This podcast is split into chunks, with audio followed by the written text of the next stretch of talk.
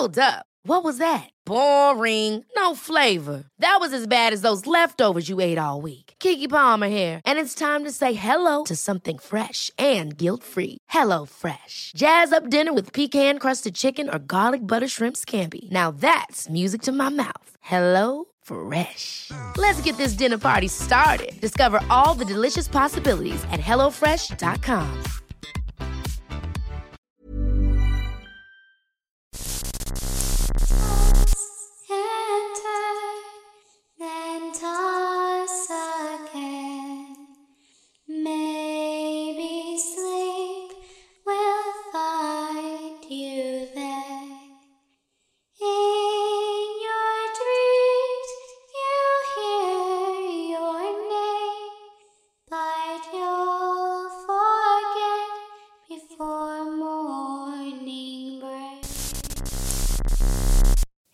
allesammans och välkomna till Mardrömmarnas podd. Idag så ska vi snacka stalkers och eh, vad jag har hört så finns det ju olika sorters stalkers, eller hur Alisa? Ja, jo men precis, det finns ju det. Och eh, man kan väl lätt dela upp dem i ungefär fem kategorier för att få det lite enklare att förklara. Yes. Och om vi tar dem en för en här då så kan vi börja med den avvisade. Eh, och den här känns ju väldigt klassisk när man kollar på just stalkers. Att kan ha varit i ett förhållande, det har inte gått så bra, den blir avvisad och oftast där är det ju någonting som går fel där den personen känner att men jag har fortfarande rätt till dig. Eh, och ungefär hälften av alla polisanmälningar är på grund av just den här typen av stalkers. Mm. Jo men det kan jag nästan tänka mig för att det känns ju nästan som, som du sa, liksom den normalaste typen. Mm. Ja, vad, man, exakt. vad man hört i alla fall att det ska vara liksom. Ja. ja, och det grundas ju oftast på svartsjuka och ilska. Mm, just det. Så det är en väldigt klassiker. Mm. Sen har vi ju då den eh, intimitetssökande. Okej. Eh, och de här personerna kan oftast vara väldigt missförstådda för att deras grund deras grundproblem eller man kan säga är bara att de vill ha närhet. Mhm, okej. Men det går ju oftast väldigt överstyr. Ah, okej. Eh, och oftast är det ju de personerna som inbillar sig att de har ett förhållande med en kändis. Eh, eller inbillar sig att de har en relation med någon. Och på så sätt börjar stalka den personen. Mhm, okej. Eh, oftast finns det någon slags, nej men någon slags psykisk eh, sjukdom i bakgrunden. Mm, Just det. Så att de här personerna är oftast väldigt missförstådda. Men det är klart att det är inte okej bara för det. Nej, nej, så är det väl. Och ja, jo, man, alltså, om man inbillar sig att, att man liksom har ihop det med en person då, då känns det som att det ligger någonting mer bakom det än eh, just Ja, bara att man jo, inbillar sig. precis. Utan att det, det, ja, men precis som du säger, att det kan vara i brist på, på just kärlek och närhet som gör att man Mm. eh, ja, till slut snör in sig lite väl mycket på, Mm. på eh, just den tanken att vara tillsammans med någon fast man inte är det. Ja, men precis. Och den tredje typen då. Eh, det kan låta lite fel att säga, men man skulle kunna klassa det som den inkompetente. Okej. Kan låta väldigt brutalt, eh, men om man sätter det på det sättet att de här personerna har oftast väldigt låg social kompetens. Okej. Mm. Eh, har lätt att missförstå folks signaler. Som till exempel då om jag står i kassan på mitt café och ger ett leende till en person för att det är mitt jobb att vara trevlig. Så kan det komma en person som misstolkar det och känner att oj, hon flörtade med mig. Aha, okej, så att den gör liksom, hur ska man säga att den, eh, Men den förstorar hela, hela grejen liksom. mm, just det. Eh, och de här brukar oftast vara ganska lätta att liksom få sluta själva stalkingen. Okej. Men samtidigt så kan det ju vända väldigt hårt och att de istället blir arga. Mm, mm. För att det sättet de har sett det är ju det som är rätt. Ja, och sen så kan jag förstå på ett sätt att man kan känna sig lite sådär att när någon liksom förklarar för en att nej, fast det där, eh, nej, du är absolut inte en person som jag skulle flörta med. Att man känner Mm. sig väldigt avvisad, att man blir avvisad och att man känner liksom att eh, man, jag förstår att man kan känna sig dum. liksom. Att man har tolkat det på ett helt annat sätt än vad situationen egentligen var. Liksom. Ja, men precis. Och, och den här typen brukar ju också ha någon slags psykisk sjukdom i bakgrunden. Mm. I och med att det har väldigt mycket liksom med låg social kompetens att göra. Mm. Jo, men det, det verkar ju som att, de, alltså att just det eh, är en väldigt stor, alltså låg kompetens är en väldigt stor del av det eftersom man måste ha just det här eh, mycket av det sociala sammanhanget för att förstå eh, och tolka liksom olika signaler från folk. Mm. Ja, men precis. Mm. Eh, om vi då ska hoppa in på den fjärde Ja. så är det hämnaren. Oh, okej. Det låter farligt. Eh, och ja, jo, det, det är de jobbiga framför allt. Eh, nej, men om man läser lite noggrannare på det så är oftast de personerna som inte är ute efter att hämnas på en specifik person. Okej. Utan oftast är det de som liksom stalkar hela företag eller myndigheter. De känner att de här personerna har gjort fel emot mig. Mm. Så nu ska jag gå hela längden för att förstöra dem. Mm, okej. Eh, oftast är det väldigt mycket telefontrakasserier. Eh, de överbelastar kundtjänster och i princip tvingar ur svar ifrån folk som är skyldiga att ge svar på grund av deras tjänst. Mm, Okej, jag förstår. Mm. Jo, men för att det har jag sett mycket. Alltså jag är mycket, jag, jag är mycket för att titta på program om du vet eh, så här, ja, men ambulanspersonal och sånt där. Och där har man ju sett att det är många som har på varje serie att det har varit typ en specifik person, person som alltid ringer och eh, ska liksom ha hjälp med diverse saker även fast den egentligen inte behöver till exempel ambulans eller räddningstjänst på olika vis men att den just kanske känner sig ensam. Liksom. Ja, ja men precis. Så att det är... mm, De är väl oftast de som, i och med att det når en större grupp eller man ska säga, Mm. så är de väl mest irriterande. De går inte liksom in på personangrepp på det sättet Mm. som de andra grupperna gör. Eh, men om vi kör den sista gruppen då så är det ju de som stalkar i sexuellt syfte. Mm, Okej. Och i den här gruppen kan man ju räkna in då bland annat våldtäktsmän och pedofiler. Jaha. Eh, de räknas faktiskt som en grupp av stalkers när de går till den längden att det blir liksom stalkervarning. Mm. Och det kanske bara inte är enstaka tillfällen. Och som man kan tänka sig så är det den här gruppen som folk är mest rädda för. Ja, men verkligen. Det är det ju. Och de är också de som i nästan alla fall är mer direkta och våldsamma. Medan resten av grupperna kanske håller sig lite mer tillbakadragna och håller koll på avstånd. Mm. Eller vad man ska säga. Mm, just det. Ja, men det visste jag inte att eh, pedofiler och våldtäktsmän räknas in i eh, just stalkersgruppen. Liksom. Mm. Eh, Inte alla, utan då är det ju liksom när det går till den nivån att deras syfte med stalkingen Mm. är liksom ett sexuellt syfte. Mm, just det. Ja, men att de, att de beger sig ut för att kolla på mm, små barn och sånt där till exempel. Ja men precis. Mm, just det. Så det är de fem grupperna om man liksom ska dra. Så sen så finns det ju hur många underkategorier som helst. Ja, jo men man precis. verkligen kan gå in på djupet. Ja, men det här är de vanligaste Ehm, liksom. Ja, men precis, om man ska dra det enkelt. Mm, just det.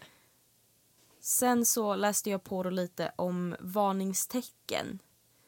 Om man märker att man blir, eller hur man ska märka att man blir stalkad.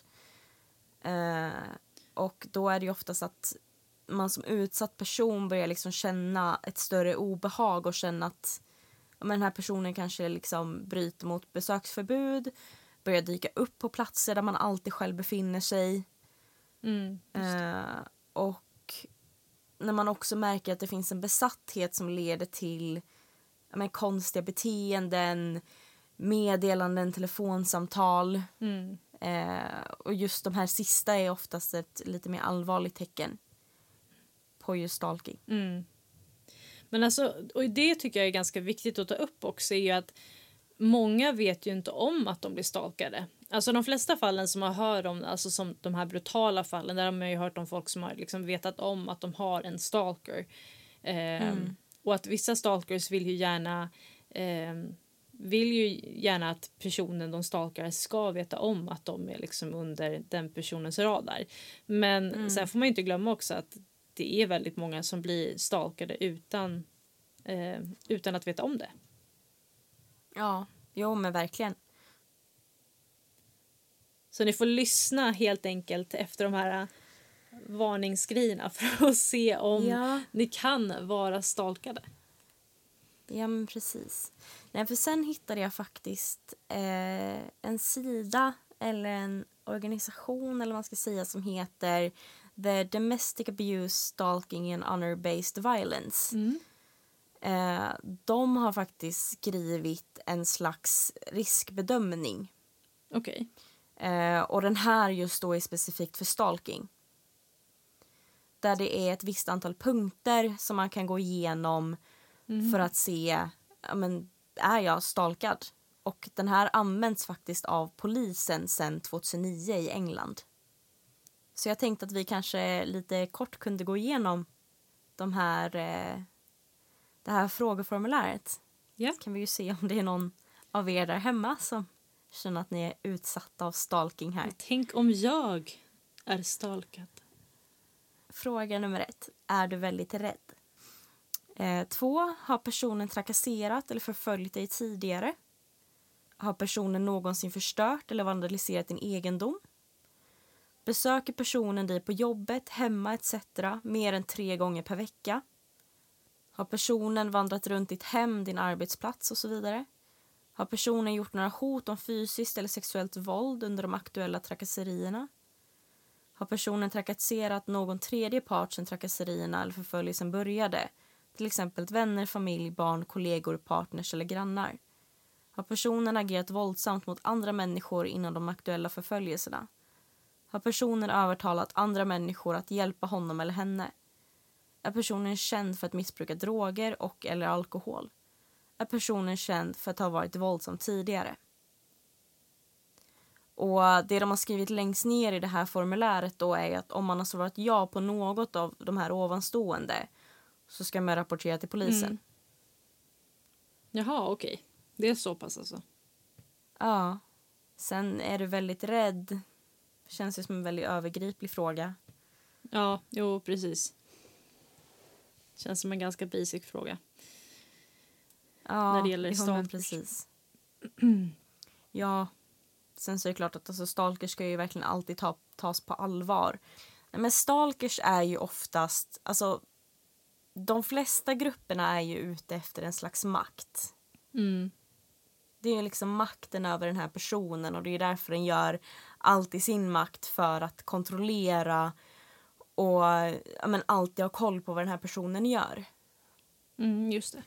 Och det som jag såg stod skrivet som jag tyckte var så läskigt att läsa var ju att menar, en stalker är ju alltid ute efter makt. Mm. Och den ultimata makten det är att döda någon.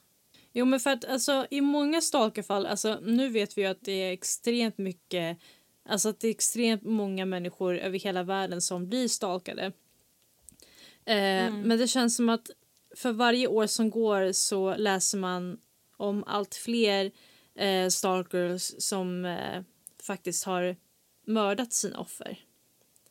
Mm. Eh, jag tyckte inte att man läste så mycket om det tidigare men det känns som att det har blivit allt vanligare att, eh, eh, att de liksom gör det.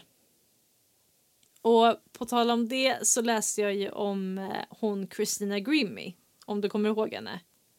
Mm, ja, men det gör jag. Hon började ju sin karriär via Youtube med covers på diverse sånger och man kunde ju följa hennes karriär från Youtube till eh, när hon sedan fick åka på turné med Selena Gomez som hennes background singer och eh, när hon var med i X-Factor och eh, sen var hon ju också med i The Voice där hon kom trea.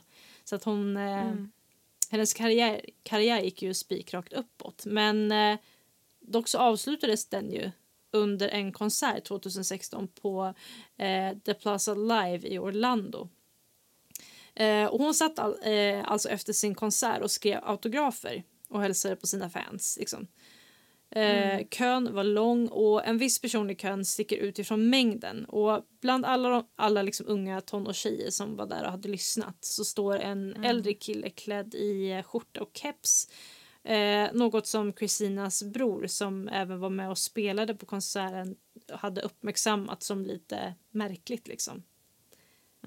Eh, och eh, han stod där i kön och sen när det var hans tur så stiger han fram. Kristina hon hälsar glatt och sträcker ut armarna för att krama om honom. Och då tar han fram sitt vapen och skjuter av tre skott. Och eh, det blir ju kaos i lokalen och folk skriker och försöker ta sig därifrån. Och Kristinas bror tacklar ner den här eh, personen eh, men han skjuter sen sig själv. Och eh, Christina Grimmy hon fördes ju snabbt till sjukhuset men dödsförklarades några timmar senare. Hon hade ju blivit skjuten av en stalker, alltså den 27-åriga Kevin James. Och ehm, den här Kevin hade ju drömmar om att få bli Christinas pojkvän. Han ska även ha gjort eh, hårtransplantationer och laserbehandlingar för ögonen samt blivit vegan för att gå ner i vikt. Ja, Usch. jo men... eh, allt för att se attraktiv ut för eh, Christina. Eh, men som i de flesta fallen, han blir svartsjuk eh, när han får syn på bilder av Christina och andra killar. Och Många tror ju att självmordet kan ha varit på grund av att Kevin vill liksom ha Christina för sig själv. Eh, Liksom så. Ehm, sen kan det ju absolut vara så att han inte heller ville sitta i fängelse eh, med mera. Men om hans plan från början var att begå självmord är liksom svårt att svara på. Men detta fallet tycker jag eh, är så hemskt då liksom ingen straffades för det. Alltså på det sättet. Utan det enda som fanns kvar efter eh, det här var ju Christinas familj men också Kevins familj som inte hade någon aning om hans planer eh, och eh, som också miste sitt barn. Liksom. Så det var ju två familjer som miste sina barn den dagen. Och eh, ett riktigt hemskt fall tycker jag. Och speciellt det här med att eh, föräldrarna hade ju ingen som helst aning om eh, vad deras son hade liksom tänkt att han skulle göra. Och eh, får sen beskedet om att han har dödat en annan människa men också eh, tagit livet av sig. Väldigt hemskt. Mm. Ja, nej men verkligen. Jag har ju hört om det här. Jag lyssnade en del på henne när jag var yngre Mm. och hörde om det här. Det är ju verkligen, alltså där kan man verkligen se hur långt en stalker kan gå. Ja, men verkligen. Eh, för att det, det, det här var liksom inget, jag läste om det här och det här var ju liksom ingenting som han hade suttit och byggt upp hur länge som helst eller planerat att han skulle göra. Alltså under en längre tid utan det var ju liksom bara någonting han till slut fick för sig eftersom han var så eh, svartsjuk helt enkelt. Ja. ja, men där känns det ju verkligen som att han kom till den här punkten att om inte jag får ha henne, då får ingen ha henne. Mm. Jo men precis. Alltså, då, då, kan, liksom, då kan hon lika gärna dö. För att det är enda sättet som jag kan se till att, hon, att ingen annan någonsin kommer kunna vara med henne. Nej, och sen så är det ju viktigt att säga det också att eh, det här var ju en stalker som inte Christina visste om att hon själv hade. Utan han var ju liksom en stalker som hade stalkat henne eh, verkligen på håll. Och eh, han bodde ju inte alls i närheten av eh, eh, där hon bodde heller. Så att, eh, men visst, om, om han hade velat så hade han säkert kunnat tagit sig liksom, närmare henne och försökt att stalka henne under vardagarna också. Men han verkade vara en sån stalker som liksom försökte hålla sig på, på sitt avstånd liksom ändå. Mm. Ja, men precis. Ja, nej, det är så... Det är så hemskt när det behöver ta ett sånt slut. Ja, och speciellt när man liksom, jag tror att de flesta av er som eh, lyssnar just nu eh, vet också vem den här Christina Grimmie är. Hon var ju med och sjöng Wrecking Ball i, jag tror att det var X-Factor. Eh, Och eh, ja men vad, vad verkade vara typ världens sötaste tjej liksom. Ja, men verkligen. eh, jätte, jätteduktig sångare och jag minns det den dagen då eh, de kom ut med det i tidningarna att hon hade blivit, att, att hon hade blivit dödad att jag först kunde knappt tro det. Liksom. Det var så här, nej, det här kan inte vara sant. Eh, Men inte hon av alla människor liksom. Nej, det, ja, men det ver- verkade väldigt märkligt liksom, att hur, på vilket sätt dog hon. Men sen så när man fick höra att det var en stalker då var det så här, aha, okej. Det, det var liksom så pass ändå. Och eh, det känns ju... Eller det är extremt vanligt att kändisar just blir stalkade. Ja, men det I och med är att ju de det. har en så offentlig profil. Det är Mm. så lättåtkomligt all deras information. Ja, och jag kan tänka mig att det kan vara svårt just för en kändis att känna av liksom att är det här bara ett fan som verkligen älskar mig liksom för det jag, jag gör eller om det liksom kan vara en pot- potentiell stalker. För det kan jag tänka mig Ja. ganska svårt att liksom se skillnad på själv. Att Ja. eh, ja men de, de liksom om man är ett riktigt stort fan, man liksom följer med på typ alla spelningar, eh, man vill gärna hälsa, man vill gärna få autografer. Ja, men man, man, alltså det känns ju lite i närheten på hur en stalker är liksom. Och säkert kan vara en början också på en besatthet. Och det finns ju faktiskt eh, en eh, tjej på Instagram som har blivit lite känd som kändisstalkern. Mm, just det. För hon lägger ju upp bilder hela tiden med kändisar. Och flera kändisar har hon ju träffat flera gånger. Ja. Jag fattar inte hur hon får till det. Nej, För hon har ju typ träffat alla. hon har räknat ut, ja men då har man ju verkligen räknat ut liksom steg för steg vad de gör för någonting för Jaha. att kunna möta upp dem. Nej. Ja. Det verkar ju inte vara någon liksom kändis som har något emot det liksom. För hon vill ju bara ta bilder. Mm. Och Nej, lägga precis. ut det. Men samtidigt så är det lite creepy. Ja, jo, det, det är det. Och jag kan ju tänka mig att som just stalker att det lär ju ta så extremt mycket tid. Alltså av ens liv att stalka en annan person. Alltså om man liksom jobbar själv. Eh, Jag får liksom inte riktigt ihop det, hur man kan få den tiden. Sen finns det ju vissa, och såklart vissa stalkers som inte har något arbete eller som kanske jobbar eh, helt annorlunda tider än liksom eh, sju till fyra. Men, men det måste ta sån tid. Ja, ja men verkligen. Det är... Jag läste ju faktiskt också på om just en kändisstalker Mm. Vid namn Jack Jordan. Eh, och han stalkade ju Uma Thurman. Om du vet vem det är. Nej, alltså jag känner igen namnet, det gör jag. Ja, Är det en hon skådespelerska? bland annat... Ja, precis. Det det. Hon har ju bland annat eh, varit med i filmen Kill Bill. Aha, ja, men då vet jag nog vem det är. Ja. De filmerna har jag sett. Hon hade ju en stalker som det gick liksom ända till rätten. Han, var, han gav sig liksom inte. Jaha, oj. Eh, och eh, Jack då var 37 år vid det här tillfället och var yngre av åtta barn. Eh, växte upp i Maryland och eh, tog examen med en eh, litteraturexamen Mhm, 94. okej.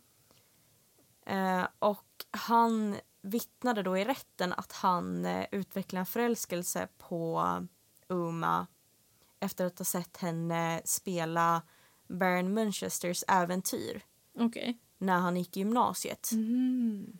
Så att det började ju väldigt, väldigt tidigt. Ja.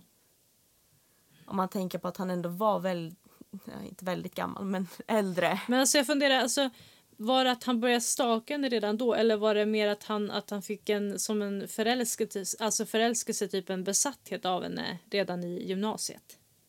Då var det en eh, förälskelse bara. Okej. Då började inte stalkingen. Nej. Nej men då hösten 2014 så hade han hört eh, Robert Thurman som då var Umas man eh, intervjuas på en radio om sin bok. Mhm. Och han fattade ju tycke för eh, Robert direkt. Och började skriva till honom och frågade om han ville bli styrelseledamot. Mm. För han hade ju då skapat en ideell organisation som heter GoTrek. Okej. Eh, och ville då att han skulle vara styrelseledamot för det här, den här organisationen. Då. Mm. Men Robert avvisade ju det här trevligt och sa liksom att men jag har inte tid med det. Liksom. Tack jag men har... nej tack. Ja, men jag har Ja. mina egna projekt. Men Mm. tack för att du frågar. ja. Och eh, då började ju Jack gå till attack direkt. Mhm, på grund av att han varit avvisad där. Ja, ja men precis. Och skrev ju då bland annat att hans två barn var illusioner. Intressant. Ja, eh, för att han... I rätten så berättade han då att deras ena barn, Maja, Mm. ehm, då tydligen bokstavligen innebär en illusion. Ah, okej. Alltså namnet Maja. Ja, precis. Och att då um, deras sons namn Leven Mm. är ju bakåtvänt novel. Ja, just det. Att det är liksom det är inte verkligt. Aha, okej. Han hade spånat Precis. länge på den här känns det som. Ja, det känns verkligen som det.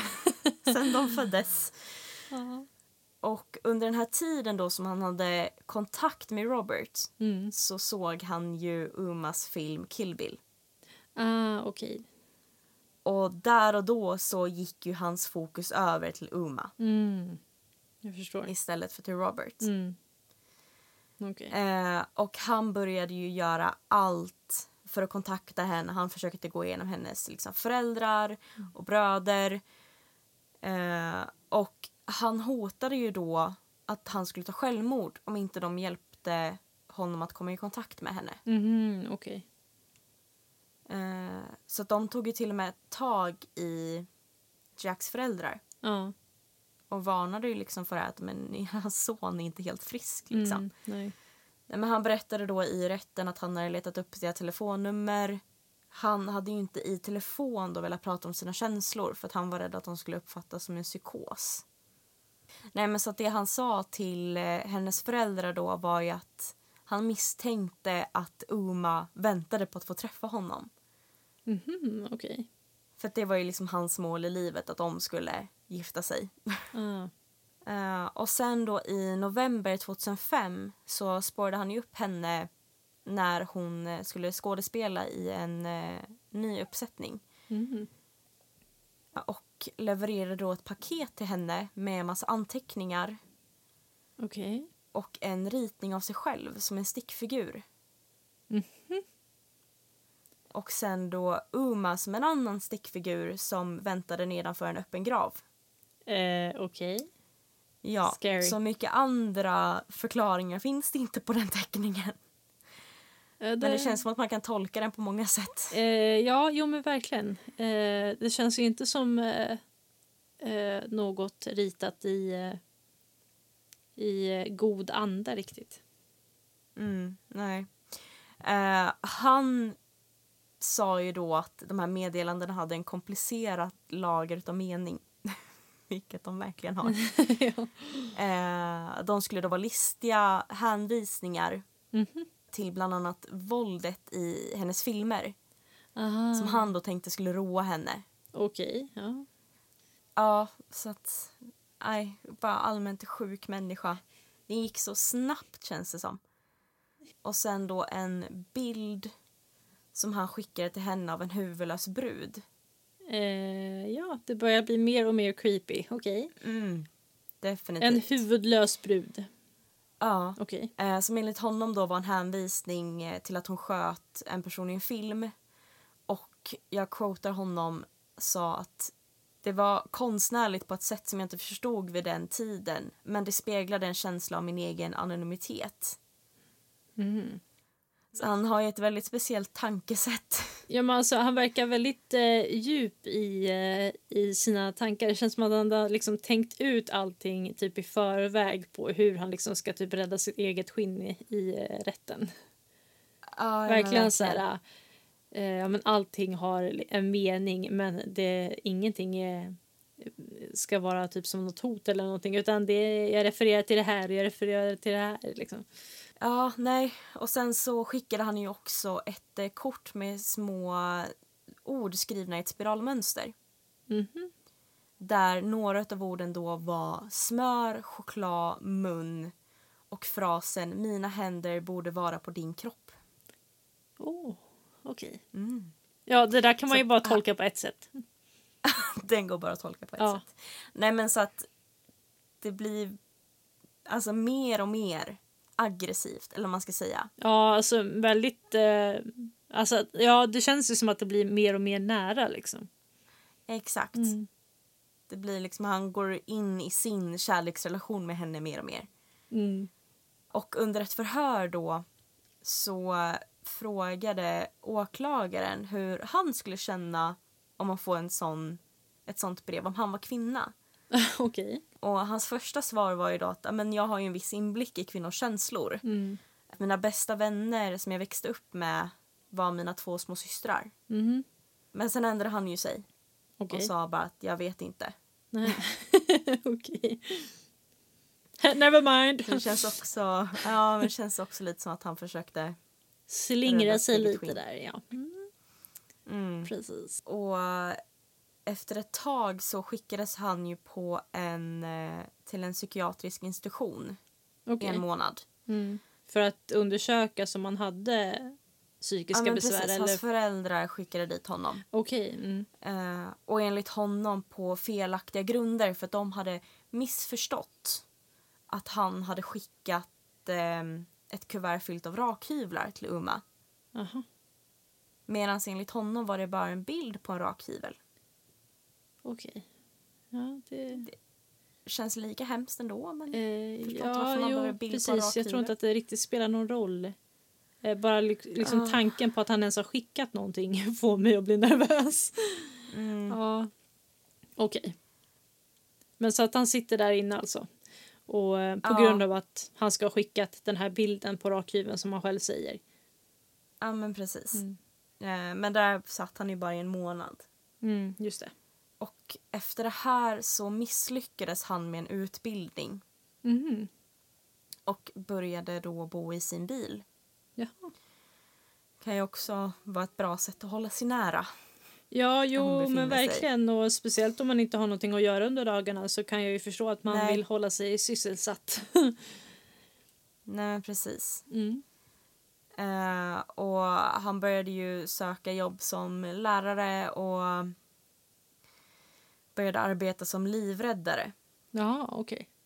Och till slut så började ju folk som bodde i hennes område eh, vittna om att det stod en bil parkerad där dag och natt.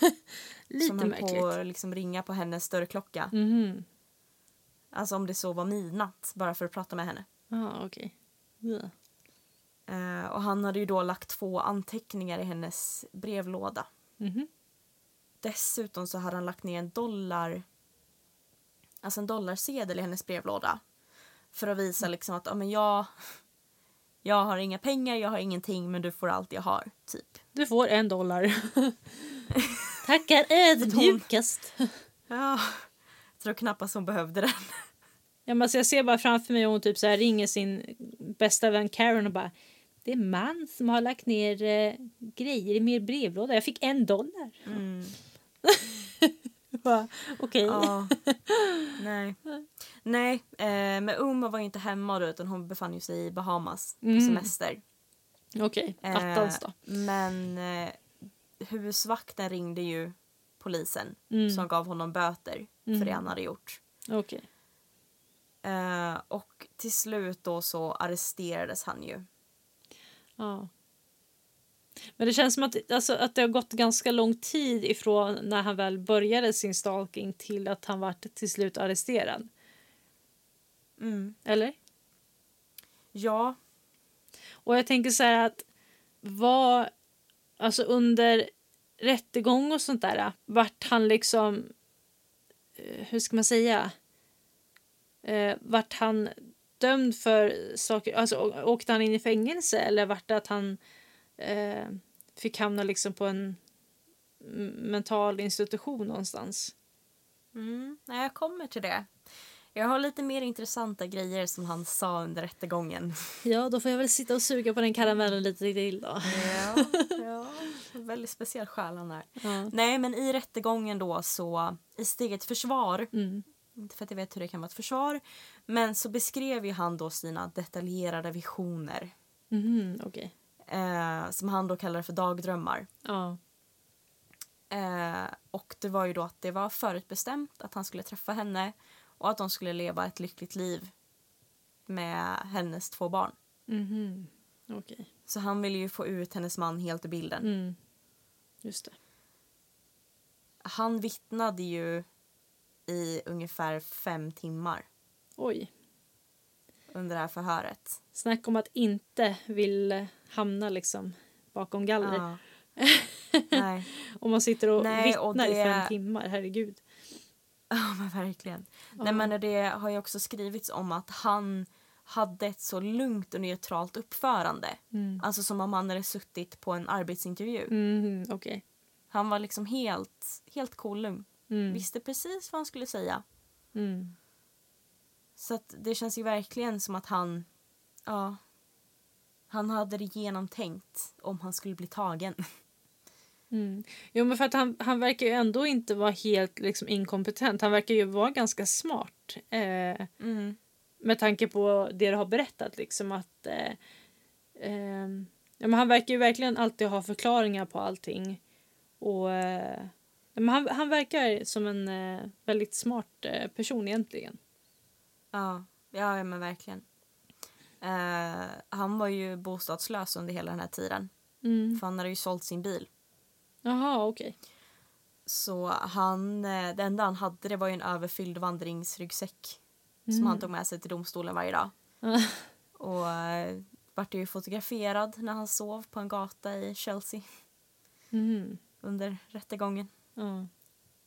När han hade fått ett eh, alternativ att om han erkände sig skyldig till grova trakasserier Mm. så skulle han i utbyte få 18 månaders psykiatrisk behandling på sjukhus. Mhm, okej. Eh, vilket sen då skulle reducera till ett brott Mm. när det var klart. Just. Eh, men han avslog det Ja, han gjorde det. och stod då, ja, och stod då istället inför 90 dagar i fängelse. Men alltså 90 dagar känns det som ingenting. Nej, det är ju ingenting. Men det var ju alltså grova trakasserier. Ja. Det var ju typ det han blev fälld för. Jo, i och för sig. Men det känns som att om, om inte han hade åkt fast då känns det ju verkligen som att det hade kunnat gå överstyr och blivit ja, men fått en helt annan utgång än just de här 90 dagarna i fängelse. Mm. Eh, eftersom det kändes som det liksom på eh, breven och allting som han skickade att det liksom kändes som att han steppade upp liksom mer och mer Ja. för varje gång. Liksom. Ja. men precis. Nej, för att hans syn på det hela, det var ju inte att han var en förföljare. Nej. Utan han såg ju på det här liksom som en katt och muslek. Mhm, okej. Ja, Och varje gång som det liksom vart en reaktion, ja men då vart det ju lite mer spännande. mm, just det. Då fortsätter man och Mm. då ökar man på det hela. Mm. Just det. Och hans advokat försökte ju skildra honom som en socialt missförstådd person med konstig humor Ja. som var ödmjuk och ofarlig. Ja, okej. Ja, Ja. Jo, men alltså, så, som hans advokat då kan jag förstå att det, det, det kan bli svårt att försvara. Eh, det finns väl inte så mycket mer man kan säga än att eh, ja, men den här personen är lite speciell av sig men eh, ta det lugnt nu när ni dömer. Mm. Ja, men precis. Eh, och hans advokat sa ju också till juryn att eh, ja, men, försök identifiera er med honom. Liksom. Mm. Tänk på hur era liv och vad du hade gjort i kärlekens namn. Mm. Och tänk på alla dumma saker du har gjort. Liksom. Som att det på något sätt Mm. skulle bara, ah, okej, men då kanske inte det här var så farligt. Ja. Väldigt intressant fall ändå. För att eh, precis som jag sa, det känns ju som att det hade kunnat få en helt annan utgångspunkt eller, eller liksom ett helt annat eh, fallet hade kunnat bli så mycket grövre om han hade fått fortsätta. Man vet ju liksom inte vad han hade fått för sig. Nej. Nej, men verkligen inte. Och han vart ju faktiskt tagen en andra gång, Mm, okej. 2011. Mhm. Men var det för stalking eller var det för något annat? Ja, han bröt mot eh, besöksförbuden mot henne igen. Aha, okej. Så det var liksom fortfarande hon han hade tankarna. I och för sig så var det inte så lång tid därefter som hade gått ändå. Men Nej. Nej, det var ju inte det. Så att det, han åkte dit igen. Sen Men åkte han hur- nog inte in i fängelse den gången. Nej, för jag tänkte precis fråga det. Att hur vart det då? För det känns ju nästan som att man skulle vilja ja, men, ge det ett hårdare straff på grund av det. Att man har liksom... Mm. Eh, eh, ja, Ja, nej, han åkte inte in i fängelse. nej okej. Han fick väl bara en, kanske en varning eller? Ja, Ja, okej. sen eh, när jag har researchat efter det så har inte jag sett någonting mer. Nej. Eh, så att nu borde det ju vara lugnt. Mm. Han har väl säkert förstått Ja, att men han inte kommer precis. komma någon vart där. Nej, men det är ju så sjukt egentligen om man bara tänker liksom tillbaka att allt det här började ju med att han kollade på en film. Ja. Jo, men... Egentligen. Ja. Det, det är lite läskigt faktiskt. Att eh, det är så det kan börja. Jag är glad att jag inte är känd. Inte än. inte än, det kanske blir. Eh, nej, men väldigt, eh, väldigt läskigt ändå. Och precis som du sa, att det är ju så sjukt mycket, många kändisar som stalkas. Och jag, alltså, när jag gjorde min research och kollade liksom om vilka, vilka eh, kändisar som har blivit stalkare så känns det som att eh, 90% av alla kändisar har haft typ någon stalker. Och speciellt just de här som är kändaste som eh, eh, Brad Pitt och eh, eh, Angelina Jolie och eh, eh, Jennifer Aniston och ja, men de verkligen de här toppkändisarna och The Kardashians och Mm. Visste du att till och med Sven-Bertil Taube här i Sverige har haft en stalker? Ja, men det var väl en kvinna som hade, hade stalkat honom ett tag, va? Mm. Ja, men precis. Och hon började ju stalka hans pappa Ja, pappan till och med. Alltså Ja. innan. Ja, okej. Och brände ju ner familjens hus. Men gud. Usch. Så att till och med i Sverige. Ja, men precis. Till och med Sverige. Och eh, jag är ju en sån som älskar liksom, svenska serier och sånt där. Så jag har ju tittat mycket på ja, men till exempel TV3s eh, Stalkers. Mm. Och där är ju mycket, ja, men där får man ju verkligen se privatpersoner som har blivit stalkade. Alltså att de har hamnat i fel relation, att, eh, att eh, deras partner har blivit avvisad av dem och sen att eh, det har liksom kunnat gå flera år. Eh, att de har levt flera år under liksom, ja, men trakasserier och förföljelse. Väldigt Mm. Ja, hemskt men ändå. Så att eh, det är verkligen inte bara kändisar som blir eh, stalkade. Utan eh, eh, normala Svensson som vi också. Ja. Ja. Eh, men nu har vi snackat lite om eh, just eh, stalking när det gäller kändisar. Och jag tänkte att vi kunde prata lite om eh, men stalkers som eh, stalkar liksom, ja, men de här normala Svensson Svensson helt enkelt. Mm. Eh, och jag kan väl säga redan nu att den här eh, staken går ju under eh, hämnaren som du pratade om. Att det liksom gäller, alltså att det handlar om en stalker som stalkar eh, ja, men folk inom soci, alltså socialtjänsten och, eh, och sånt där. Och vi ska ju prata om en Richard John, eller Jan, jag vet inte riktigt. Men eh, han förföljde och terroriserade advokater, folk inom socialtjänsten med mera. Och man ska ha räknat till att han terroriserat och förföljt omkring 200 personer under ett eh, tidsspann på sju år innan han åkte fast vilket eh, har gjort honom till Storbritanniens värsta stalker. Men gud. Ja, så att 200, alltså omkring 200 personer under sju års tid. Fatta energin som går ner i det där. Ja, jo men verkligen. Alltså, jag varit helt chockad. När, alltså, jag träffar inte ens 200 personer på sju år. Nej! Det är så här, hur är det möjligt? Eh, och där är det verkligen så att, att eh, man, han har liksom inte valt ut de här eh, specifikt så här jättemycket att den här personen vill jag stalka för att den är så vacker eller att jag känner ett band med den utan det här är ju verkligen att eh, en, en, just, en grupp av människor Eh, Mm. Som han eh, har velat stalka helt enkelt. Ja, Eh, precis. och en kvinna som arbetade som socialarbetare åkte ut till den här Richard Johns hem med några kollegor då hans föräldrar ska ha varit oroliga över hans mående då liksom han ska ha mått eh, psykiskt dåligt. Mm. Och efter kvinnans möte med Jan eh, i hans hem så började ju han att ringa flera tysta samtal till henne. Eh, men också till hennes kollegor. Och han ska även ha ringt samtal där han ska ha liksom andats tungt för att sen ha lagt på. Eh, det är ju liksom det här typiska. Jag tycker att det är så läskigt. Eh, Ja. Det här med att bara... Ja, men alltså visst, tysta samtal, det, det är liksom så här, okej, tyst samtal, men just det här när man hör att det faktiskt är en person på andra sidan luren som, som är där, alltså som man verkligen Ja. hör sitter där. Nej, det, jag tycker att det är jätteläskigt. Usch. Nej. Men då känns det ju liksom som att den här personen vill bara visa att jag finns här. Ja, jo men precis. Eh, och han började söka upp eh, den här kvinnan och förfölja henne under hennes arbetsdagar också. Så han liksom körde runt i sin bil där och eh, höll koll på varje steg hon gjorde liksom. Men gud. Eh, och eh, han skar sönder hennes däck på bilen och försökte tända eld på den. Och han ska även ha misshandlat henne vid två olika tillfällen varav eh, ett där han ska ha slagit kvinnan i ansiktet med en tegelsten. Och eh, efter den attacken så vågade ju inte kvinnan längre bo kvar i sitt hem och eh, sa sen upp sig från sitt jobb. Och hon förföljdes i totalt sex år.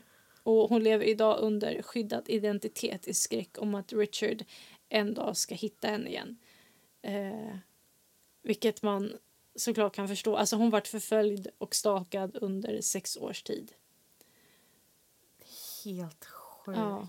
Alltså snacka om att leva i konstant skräck hela tiden. Ja. Och speciellt om när han... liv är förstört. Ja, och speciellt när han liksom...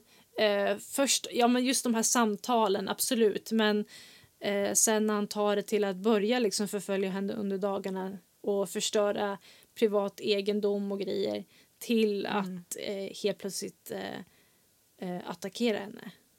Mm. Det känns ju väldigt... Ja, så där kan vi ju verkligen, om man nu ska kolla tillbaka till den här checklistan, mm. där kan man bocka av en hel del. Ja, jo men precis. Verkligen. Ehm, och ehm, det var ju inte bara den här kvinnan som eh, vart ehm, förföljd. Eh, en annan kvinna, Liz Brooks, som också arbetar inom socialtjänsten fick utstå hot och trakasserier från Richard. Eh, hon fick flera tysta samtal och hennes bilrutor blev förstörda. Och en dag så tände Richard eld på Liz och hennes familjs hem. Eh, som tur är så kom ju ingen till skada men Liz man kunde inte arbeta på sex månader efter händelsen och deras hus var ju obeboeligt under en lång tid på grund av branden.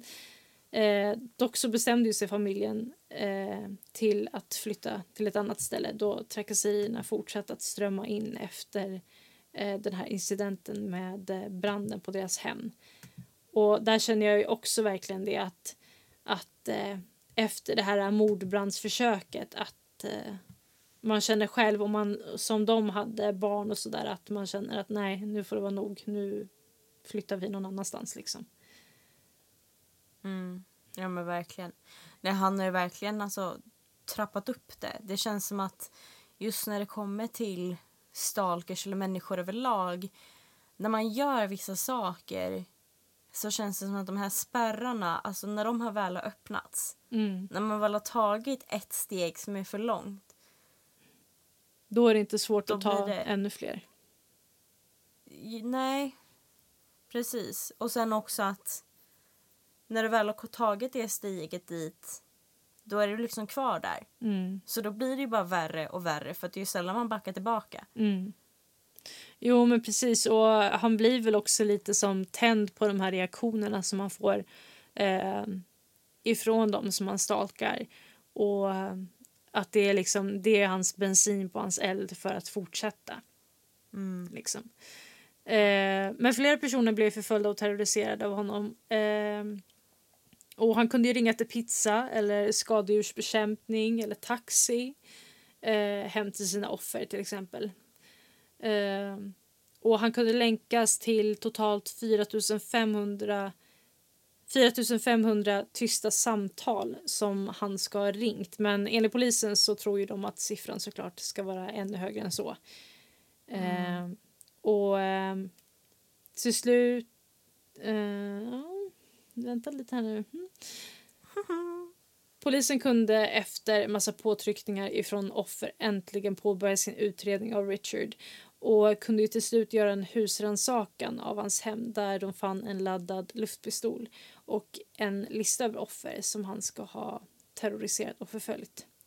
Och eh, om man vill kika lite på hur den här listan ser ut så får man gå in och googla lite på Richard John så kommer man få se den. Väldigt speciellt. Eh, 2004 så åkte Richard Jan fast efter att flera offer ska ha redan då flyttat från sina hem, bytt telefonnummer och identiteter med mer. Och han dömdes för mordbrand vid två tillfällen, förföljelse, misshandel med mera. Och dömdes till slut för, eh, eller till livstidsfängelse. Och eh, vissa offer än idag mår ju väldigt dåligt psykiskt efter det de fick utstå. Och det kan man ju förstå eftersom de vart ju förföljda och trakasserade under flera års tid. Och eh, många av de här var ju eh, personer i medelåldern som eh, bodde hemma med sina barn som tyckte att det kändes alltför otryggt att eh, bo kvar eh, på sina ställen med tanke på det de hade hört om eh, andra offer där han hade tänt eld på hus och förstört egendom och sånt där. Så att eh, väldigt många av de här 200 personerna eh, lever idag under skyddad identitet och eh, har flytt sina hem för att eh, på grund av det här som Richard ska ha utsatt dem för. Mm. Oh, nej. Där snackar man verkligen om någon som gick över gränsen. Så enormt mycket. Ja, jo och just det här med att han hade den här laddade luftpistolen hemma. Det känns som att han hade, hade den för att eh, försvara sig själv om det skulle vara så att någon av de här 200 personerna skulle vilja liksom eh, sätta ner foten ordentligt. Att han hade den som en säkerhet liksom. Mer mm. än att han skulle kanske använda den mot någon eller ta med den någonstans. Eh, det mm. vet vi i och för sig inte. Men eh, eh, men jag tror att, att den där var mer för att eh, han skulle känna sin egen säkerhet. För att han visste ju mycket väl vad han gjorde för någonting eh, mm. mot alla de här. Och de gjorde ju en psykisk eh, undersökning på honom eh, under rättegångstiden. Men eh, det visade ju inte på eh, någon som helst eh, psykisk sjukdom som ska ha gjort till anledning att han ska mm. ha eh, utsatt alla de här människorna för förföljelse och, och eh, trakasserier. Så mm. att eh, eh, det var ju liksom bara han bakom det här liksom. Mm. Men alltså vet man varför han började förfölja för det började ju som du sa precis efter att de här socialarbetarna hade varit hos honom för att hans föräldrar hade orosanmält. Ja. Var det liksom på grund av hämnd som han började hålla på som han gjorde? Ja, precis. Det, var, ja, det har mycket med, med det att göra. Att, att han kände sig... Eh, ja, men han ville liksom inte bli daltad eh, av just de här socialarbetarna. Och han tyckte väl mm. att de inkräktade mycket i, eh, i hans eh, personliga, liksom, hur ska man säga? Privatliv. Ja, i hans privatliv. Eh, vilket gjorde att han eh, började känna en stor avsky för en viss specifik person inom socialtjänsten men som sen blev att han eh, började stalka alla andra som också jobbade just inom den socialtjänsten. Mm. Eh, och det var ju liksom inte bara socialarbetare utan det var ju personer eh, eller eh, ja, men personer som arbetade kanske med annat men som hade en koppling eller jobbade ihop med socialtjänsten. Så att det var ju liksom inte bara social, socialtjänsten i sig utan det var ju både advokater och eh, andra tjänstemän. Liksom. Mm. Ja, där kan man verkligen se hur han börjar känna, ett av, alltså, känna avsky mot den gruppen som hade med det att göra. Mm.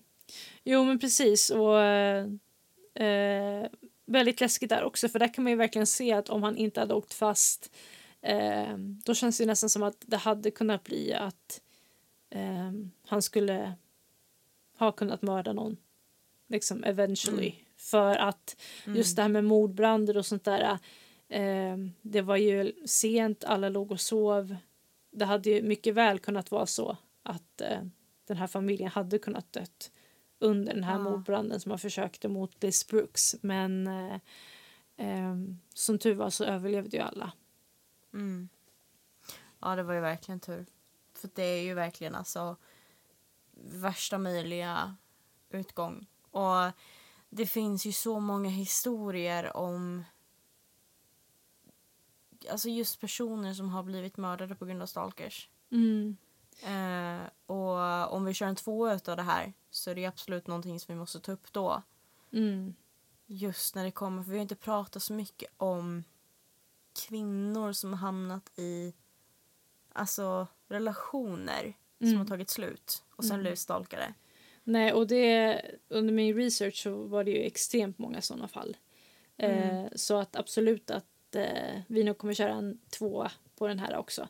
Eh, Men ja, precis som du säger. Och sen så har vi ju inte tagit upp att det också finns eh, eh, kvinnliga stalkers heller så mycket. Utan eh, Ja, nej men precis. eh, det, det har vi också som en av våra grejer på vår lilla lista att kunna ta upp.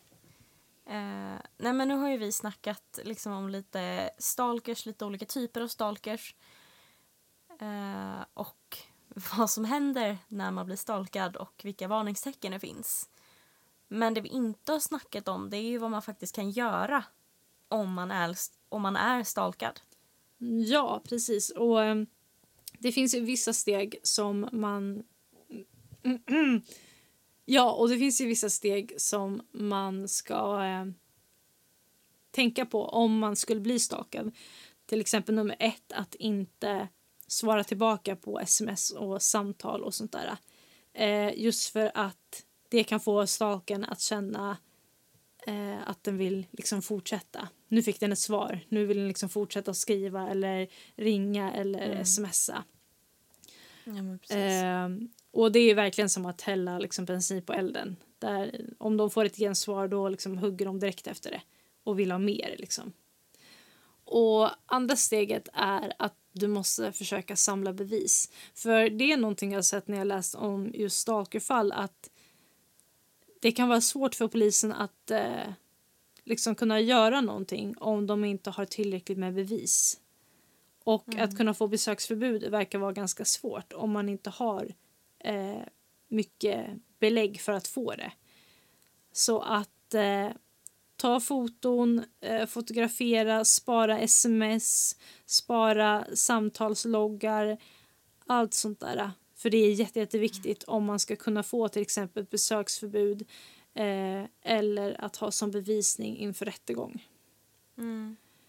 finns ju eh, företag som specialiserar sig på att eh, ta fram bevis mot stalkers. Ja, jag såg det. Eh, jättebra. Och det är lite kul att det har liksom kommit upp nu för att eller lite kul, det kan man väl inte säga, men jag tycker att det är väldigt bra att det har kommit upp med tanke på att det är så pass många som blir stalkade. Mm, ja, men Ehm, precis. Och som jag såg, de, de eh, kör ju riktig så här spioneri-grej på stalken.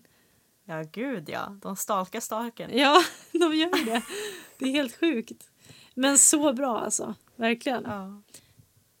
Och det tredje steget är ju att prata med någon. Det är ju jätteviktigt att berätta för någon att man har blivit eller att man är stalkad så att den personen vet om det. För som vi har sett i de här fallen så vet man ju aldrig hur det kan gå. Eh, när man blir stalkad. Det kan ju gå väldigt snabbt. Eh, från att gå till eh, vanliga samtal eller sånt där till att bli någonting väldigt eh, eh, ja, men, väldigt förstorat väldigt snabbt. Mm. Eh, ja, men någonting som verkligen alltså, kan förstöra ens liv. Ja, men precis. Och därför så är det superviktigt att eh, prata med någon om vad som händer och hur man upplever det. Eh, och de flesta människor vill oftast eh, stödja en så fort de liksom får reda på att man blir stalkad. Och eh, det är ju verkligen någonting man inte ska vara tyst om för att eh, det är ju inte lätt för alla andra att kunna se att du blir stalkad utan det är ju du själv som måste, eh, måste ta det modet till det för att berätta till din omgivning att du blir stalkad. Eh, mm. Så att det är jätteviktigt. Och att man sen till slut såklart anmäler till polisen med just de här eh, bevisen som man har eh, sparat ihop under en tid liksom. Ja men precis. Eh, så att eh, om du blir stalkad så försök att samla ihop så mycket bevis du kan och prata med någon. Det är jätteviktigt. Men det var allt för det här stalkers-avsnittet. Eh, vi hoppas att ni har tyckt att det har varit bra. Och glöm nu inte att följa oss på våra sociala medier. Bland annat Instagram där vi heter Mardrömmarnas podd och på Facebook där vi heter Mardrömmarnas podd. Där vi ibland släpper lite saftiga nyheter. lite spoilers. lite spoilers. Yes. Eller lite fakta kring saker vi faktiskt har pratat om. Som kan vara intressant att läsa om. Men ha det så bra så ses vi i mardrömmarnas värld.